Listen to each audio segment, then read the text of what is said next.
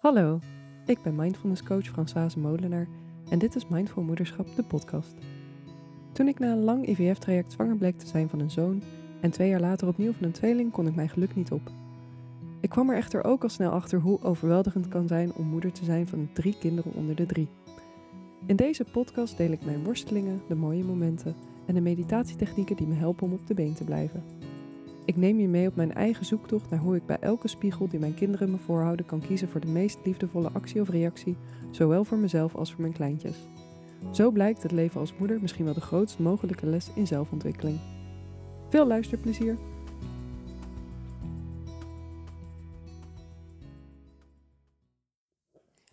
Hallo en welkom bij een nieuwe aflevering van Mindful Moederschap, de podcast. Mijn naam is Françoise. En en ik ben een beetje verdrietig op het moment. Het is uh, avond. Ik heb net mijn zoontje naar bed gebracht. En uh, meestal ben ik er wel goed in om strijd te vermijden. En vandaag ben ik er met open ogen in gelopen. De strijd. Ik ben hem aangegaan. Ik heb hem uiteraard verloren. En ik ben mezelf even kwijtgeraakt in het gevecht. Niet fysiek, uiteraard, maar uh, in de strijd met mijn zoontje. En nu heb ik spijt, ben ik boos op mezelf. En het uh, eerste, niet het eerste wat ik dacht, maar hier even wat over opnemen, dat leek me nou echt heel fijn. Even ja, te vertellen wat er gebeurd is. En ik denk dat ook dit weer heel herkenbaar is voor jullie en uh, voor zoveel moeders. En om ook weer even bij mezelf te komen, alles op een rijtje te zetten. Daar helpt zo'n uh, podcast opnemen me altijd wel bij. Je hoort misschien een echo. Ik heb de liefste man van de wereld. Dus die zag mij bezig en die heeft in de tussentijd een bad vol laten lopen. Kaarsjes aangestoken, kopje thee voor me gemaakt, een stukje chocolade bij. Oh, wat een held.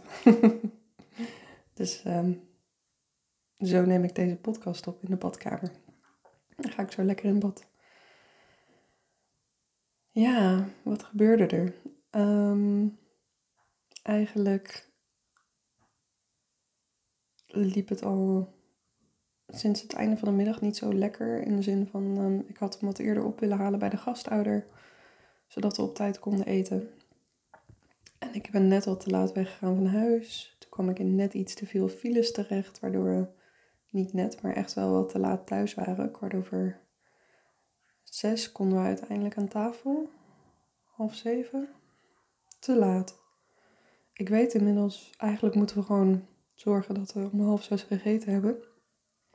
Dan gaat er bij hem nog wat in. En eigenlijk het allerbeste zou zijn gewoon warm lunchen elke dag. Maar ja, probeer dat ook maar eens rond te krijgen. Um, en als we zo laat eten, dan eet hij niet meer. En dat weet ik. En dat is deze week al eerder fout gegaan op zondag, zondagavond. Toen heeft hij ook helemaal niets gegeten. En dat gebeurde nu weer. We zaten aan tafel. Hij was alleen maar bezig met speelgoed, met dingen. Um, ik heb ook gezegd, oké, nieuwe regel. Geen speelgoed meer aan tafel. Had ik natuurlijk al veel eerder moeten doen, maar goed. Um, nu was er speelgoed. Nu wilde hij echt niet eten. Um, en toen dacht ik, ja, ik kan hier... Nou, we maken sowieso, proberen geen strijd te maken met eten. Maar in dit geval dacht ik, ja, hier kan hij ook echt niets aan doen. Het is gewoon te laat voor hem om te eten. Ik heb het gewoon niet handig getimed vandaag. Ik heb alles net wat te lang laten duren. En nu eet hij niet. En uh, ik had het ook over met mijn man. Ik zei, daar moeten we echt scherper op zijn, want dit gebeurt gewoon te vaak. Het is eerder uitzondering dan regel dat we om half zes eten. En mijn man zei, ja, je, lat niet zo hoog leggen, niet zo perfectionistisch zijn. Maar in dit geval, nou, mijn zoontje, die echt al onze kinderen zijn licht, maar Benjamin is dus ook licht. Heel licht. Zit echt helemaal onderaan de curve. Heeft gewoon geen reserves. En ik zei ook, ja, we moeten dit gewoon echt serieus gaan nemen. Of we moeten dit serieuzer nemen dan we nu doen. Weet je, we moeten de omstandigheden creëren zodat hij goed eet. En als hij dan niet eet een keer, dan is dat aan hem. Maar als we hem gewoon structureel te laat aan tafel zetten, ja, dan is er gewoon geen begin aan eigenlijk. En hij heeft het nodig, dat eten. Nou ja, dus ik zat al een beetje. Uh, en Benjamin was vandaag ook gewoon. Uh, die was ook bij de gasthouder huilend wakker geworden omdat hij mij miste. Dus die zat ook niet zo lekker in zijn vel. En toen heb ik hem, ik was nog aan het kolven, dus ik heb hem ook iets te laat weer mee naar bed genomen. Het zijn allemaal van die, oh het loopt gewoon net niet lekker, dingen. En toen um, kwamen we boven en ik doe altijd eigenlijk helemaal niet verstandig. Maar eerst tanden poetsen en dan een flesje melkie. Dan uh, kan hij op schoot nog lekker een boekje lezen. Dus dat is echt een ontspanmoment. Niet zo goed voor je tanden, maar... Uh... En toen wilde hij nu eerst zijn melk drinken. Maar ja, ik dacht, nee joh, even snel tanden. Dan kunnen we lekker samen uitgebreid boekje nog even knuffelen en uh, uh, samen tijd. dus ik ben een strijd aangegaan. En hij stond te gillen, ik wil melkie, ik wil melkie. Ik had hem ietsje hoger gezet op een kastje, ik kan er niet bij, ik wil melkie drinken. Ik zei, nee, nee, nee, nou ja. En ik was het even kwijt, dus um, hij was me aan het gillen. Ik zei, nou mama gaat weg, roep maar als je klaar bent om tanden te poetsen. Dat wil nog wel eens werken. Nou, toen kwam hij alleen maar achter me aan. Ik wil melkie, ik wil melkie. Toen dacht ik, ik probeer het even snel. Maar toen mocht ik ook zijn trui niet Ik wil mijn trui aan. Alles werd strijd. Dus toen dacht ik, nou, je zit helemaal in je emotie. Laat het maar even uit. Maar ja, na vijf minuten melkie, melkie was het nog steeds melkie, melkie. En toen was, het, uh, was ik er zo klaar mee. Gewoon het heel de dag. Ik denk dat het ophoopte, hè? De hele dag allemaal net niet goed doen en nou weer niet. En het lukte me niet en ik kon de juiste toon niet vinden. En uh, nog twee keer geprobeerd met hem te praten. Ging natuurlijk niet, hij zat zo in zijn emotie. Snel zijn slaapzak aangetrokken, melkje gegeven, in zijn bed gelegd. Ik zei, mama gaat weg. Doeg, licht uit. En op zich kan dat wel, maar ik voelde in al mijn bewegingen dat de frustratie gewoon de overhand kreeg. Ik was boos, ja, gefrustreerd en dat liet ik hem ook wel merken. Wat ook oké is. In die zin van soms ben je gefrustreerd, denk ik. Um, maar toen kwam ik beneden en ik was weer zo boos op mezelf. Ja, waarom heb ik me nou erin laten trekken? Ja, vijf minuten later zat hij huilend op de, op de babyfoon en had hij zijn melk op. Wilde hij alsnog een boekje lezen en uh, ben ik naar boven gegaan en toen realiseerde ik me die jongen had gewoon honger, die had niet gegeten. Die zag een fles melk. ja, treumische peuters, die kunnen nog niet langer termijn denken. Die weten niet als ik snel even dit of dat, dan is het straks gezellig. Die willen nu gewoon eten. En dan ben ik daarvoor gaan liggen. Terwijl voor zijn tanden het zelfs nog beter is om daarna zijn tanden te poetsen. Dus ja, nou ja, gewoon zo'n hele niet-zeggende situatie eigenlijk, hè die dan toch ontploft. Um, door allemaal dingen die eronder liggen. En nou ja, goed, ik heb hem geknuffeld, we hebben nog een filmpje gekeken. Ik heb het goed gemaakt met hem. Ik heb gezegd, mama was even boos. Mama's zijn ook wel eens boos, hè? dat gebeurt gewoon. En, uh, maar dat was niet leuk, nee, dat was niet leuk. Nou, nu zijn we weer vriendjes. Sorry dat mama is uitgevallen. Hè? En nu gaan we lekker boekje lezen, goed maken. Um, en bij hem was dat dan oké, of we zijn gewoon weer op goede voet. Is hij naar bed gegaan en ik weer naar beneden. En, maar ik was zo boos op mezelf. Dat, waarom laat je dit nou zo? En toen dacht ik, oké, maar hier komt wel het perfectionisme om de hoek kijken. Dat we op tijd moeten eten, dat het beter voor hem is, dat is één ding. Maar ja, soms verlies je gewoon je geduld in een stomme situatie. En denk je, wat ben ik nou aan het doen? En dat is super menselijk. En um, je mag mens zijn. Ik zeg het even tegen mezelf. Ik mag mens zijn. Ehm, ik denk dat we vaak als we het hebben over een gebalanceerd persoon zijn of mindful zijn, dat er het idee kan ontstaan van ik moet het altijd. Ik moet altijd helemaal rustig zijn en altijd helemaal de perfecte, you know, um, gecalibreerde reactie hebben op de actie die er komt. en dat zou natuurlijk heel mooi zijn als dat altijd lukt, maar dat is gewoon niet de realiteit. En het mooie van balans is niet dat je altijd in het midden zit, maar dat je weet hoe je weer terug moet komen.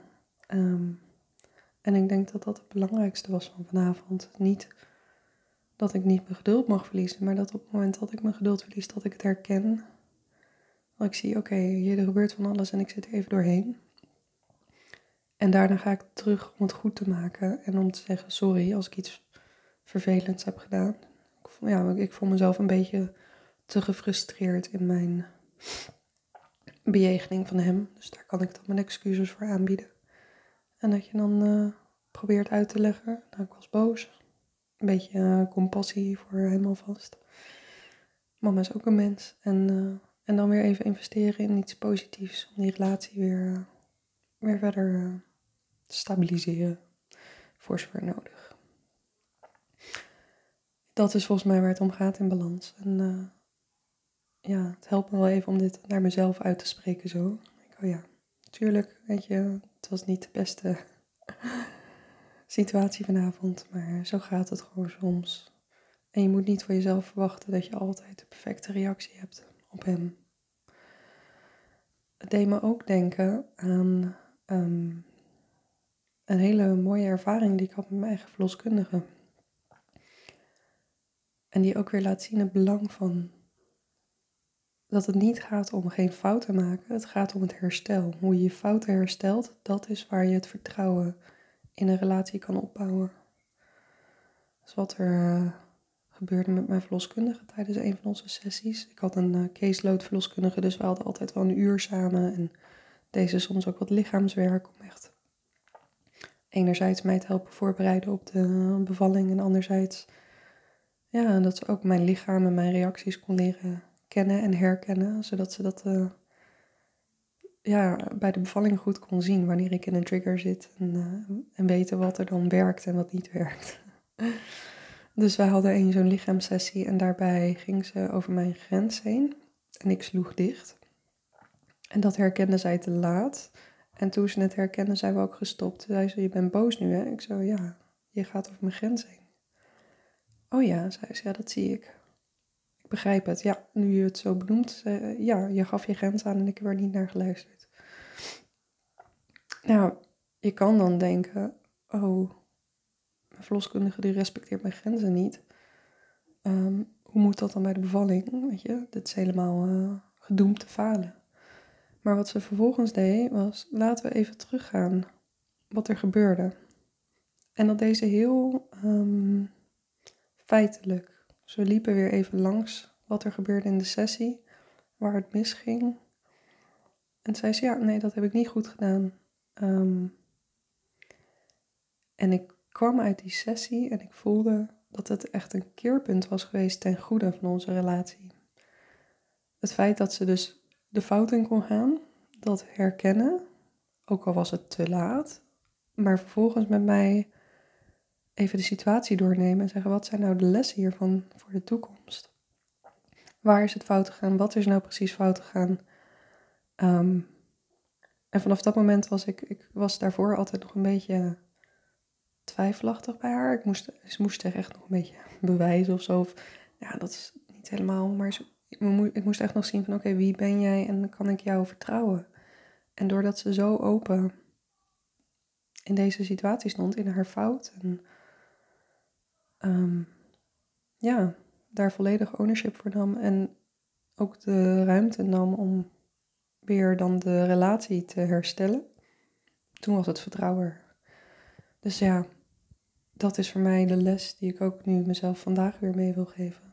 Het gaat niet om uh, perfect doen, het gaat om mens mogen zijn. En als je jezelf dan ziet, dat is ook mindfulness natuurlijk, als je ziet van hé, hey, oké, dit heb ik niet zo handig gedaan, had ik liever anders gedaan, om dan terug te gaan over, over je ego heen stappen. Want ik zat ook beneden op de bank te denken, oh, nee, moet ik weer dit herstellen?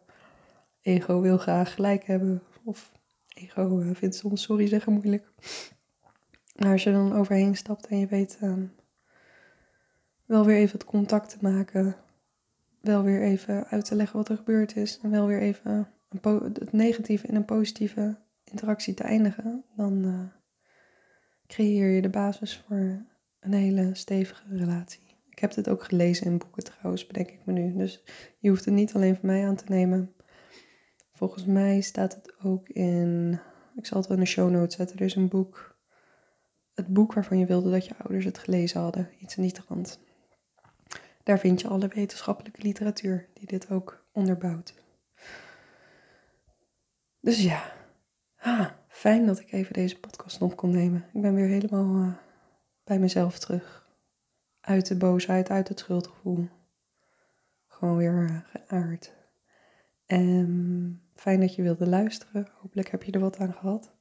En voor de Patreon-accounthouders die deze podcast financieel ondersteunen met een kleine bijdrage, zal ik een meditatie opnemen over vergeving. Vergeving van jezelf.